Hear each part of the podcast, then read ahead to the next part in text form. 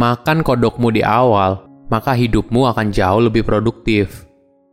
Halo semuanya, nama saya Michael. Selamat datang di channel saya, Si Kutu Buku. Kali ini saya akan bahas buku Eat That Frog karya Brian Tracy. Sebelum kita mulai, buat kalian yang mau support channel ini agar terus berkarya, caranya gampang banget. Kalian cukup klik subscribe dan nyalakan loncengnya. Dukungan kalian membantu banget supaya kita bisa rutin posting dan bersama-sama belajar di channel ini. Buku ini membahas bagaimana kamu bisa jadi produktif dengan membuat skala prioritas. Dalam sehari, kamu pasti dituntut untuk mengerjakan banyak hal pekerjaan mana yang harus dikerjakan duluan. Apakah pekerjaan paling mudah dulu atau pekerjaan paling sulit dulu? Brian beranggapan kita harus memulainya dari pekerjaan yang paling sulit dulu. Karena pekerjaan ini biasanya merupakan kegiatan yang paling sering kita tunda. Apalagi di zaman sekarang di mana kita pasti akan menerima banyak gangguan entah dari luar diri atau dari dalam diri. Menentukan skala prioritas akan membuat kita berhenti menggunakan alasan tidak punya waktu dan mampu menyelesaikan pekerjaan paling penting yang sangat mendesak. Hasilnya, pekerjaan kita lebih efektif dan kita bisa punya waktu bersama orang yang dicintai dan melakukan kegiatan yang membawa kebahagiaan dalam hidup kita. Saya merangkumnya menjadi tiga hal penting dari buku ini. Pertama, metode Eat That Frog Mark Twain pernah berkata, "Jika hal pertama kali yang kamu lakukan setiap pagi adalah makan kodok hidup, maka kamu pasti akan menjalani hari dengan bahagia karena kamu sudah melewati sesuatu yang mungkin merupakan hal terburuk sepanjang hari." Di buku ini, Brian menggunakan istilah kodok menjadi suatu tugas yang penting dan besar, tapi pekerjaan itu merupakan kegiatan yang paling malas kamu lakukan. Tentu saja, dalam sehari kita pasti melakukan banyak hal yang harus selesai di hari itu. Kuncinya adalah menjadikan hal yang paling penting dan paling susah dulu sebagai prioritas utama. Setelah itu, kamu baru melakukan hal lain yang kurang penting. Kebiasaan ini ternyata diadopsi oleh para pemimpin hebat di dunia. Sebagai contoh, Jeff Bezos selalu menaruh meeting paling penting di pagi hari karena itu adalah momen ketika dia akan membuat keputusan besar dalam hidupnya. Ada alasan lain kenapa metode Eat That Frog cukup efektif. Metode ini memberikan kita energi untuk menyelesaikan hal yang paling kompleks. Di zaman sekarang, pekerjaan penting pasti merupakan tipe pekerjaan yang menguras banyak energi dan pikiran, seperti membuat strategi, menulis, kemampuan problem solving, dan sebagainya.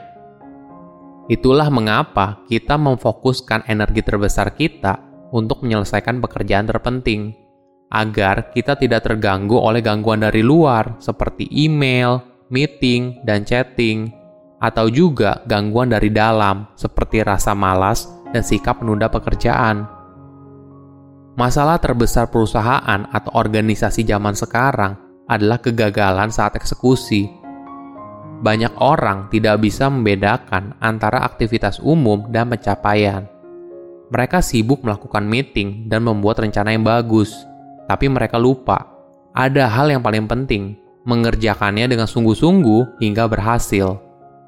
Sebagai contoh, jika kamu ingin jadi penulis terkenal, punya bisnis online, atau ingin punya hobi baru, semua ide itu bisa saja muncul di pikiranmu, tapi tidak ada gunanya kalau kamu tidak segera bekerja dan mengerjakannya hingga menghasilkan sesuatu. Ini merupakan kedisiplinan yang harus dibangun setiap hari agar jadi kebiasaan sukses di masa depan. Kedua, cara kerja Eat That Frog. Sepanjang karirnya, Brian menemukan satu kenyataan sederhana – Kemampuan untuk fokus pada satu pekerjaan yang paling penting adalah kunci untuk mencapai kesuksesan. Setiap pencapaian besar dalam sejarah umat manusia berasal dari pekerjaan panjang yang penuh konsentrasi hingga akhirnya menjadi kenyataan. Gunakan kemauan kerasmu untuk fokus menyelesaikan pekerjaan paling penting. Makan kodokmu dan jangan berhenti sampai selesai semuanya. Jika kamu sudah menyelesaikan pekerjaan paling sulit, Terus apa yang harus kamu lakukan? Brian menuliskan metode ABCDE. Ini merupakan daftar pekerjaan yang harus kamu lakukan setiap hari.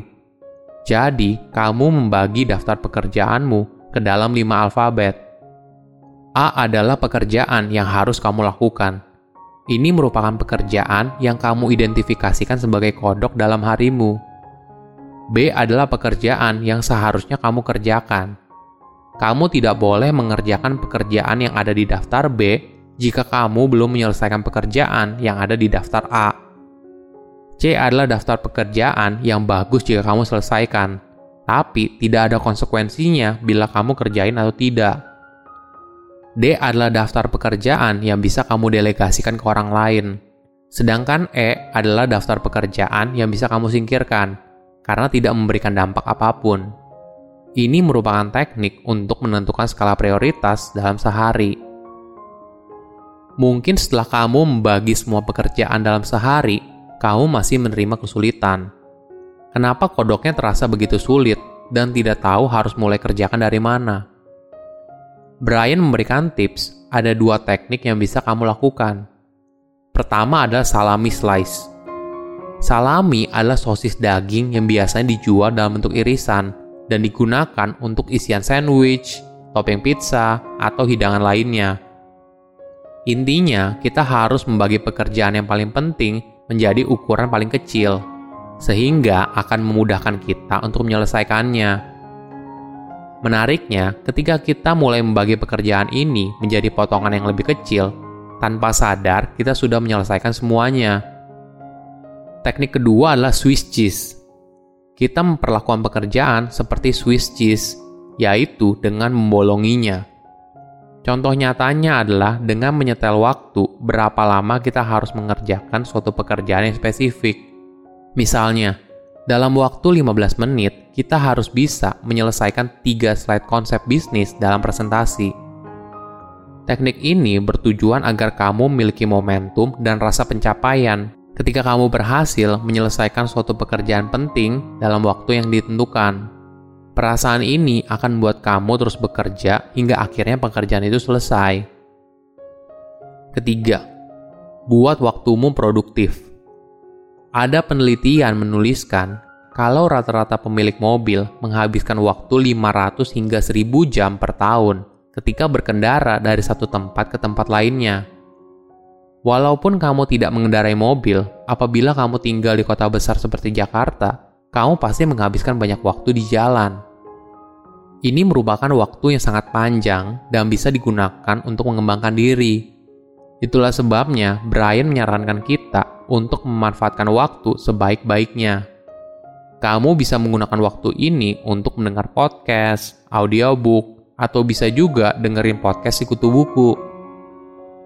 Jika kamu bisa memanfaatkan waktu ini dengan sebaik-baiknya, ini merupakan momen yang bisa mengupgrade diri kamu untuk mencapai kesuksesan. Jadikan belajar sebagai aktivitas seumur hidup. Tips lain yang bisa membuat kamu produktif adalah buat janji dengan dirimu sendiri. Charlie Munger, rekan bisnis dari Warren Buffett, punya kebiasaan unik ketika dia masih muda. Saat dia masih jadi pengacara, Charlie berpikir, siapa klien yang paling penting? Tentu saja, klien paling penting adalah dirinya sendiri. Itulah yang membuat dia menjadwalkan satu jam setiap hari untuk dirinya sendiri. Dalam satu jam tanpa gangguan, Charlie akan melakukan pekerjaan yang paling penting, dan itulah yang membuat dia menjadi miliarder seperti sekarang. Kamu bukan tidak punya waktu, kamu hanya tidak bisa membagi prioritas secara benar. Lakukan hal paling penting di awal, maka harimu akan jauh lebih mudah. Silahkan komen di kolom komentar pelajaran apa yang kalian dapat ketika baca buku ini. Selain itu, komen juga mau buku apa lagi yang saya review di video berikutnya. Saya undur diri, jangan lupa subscribe channel YouTube Sikutu Buku. Bye bye.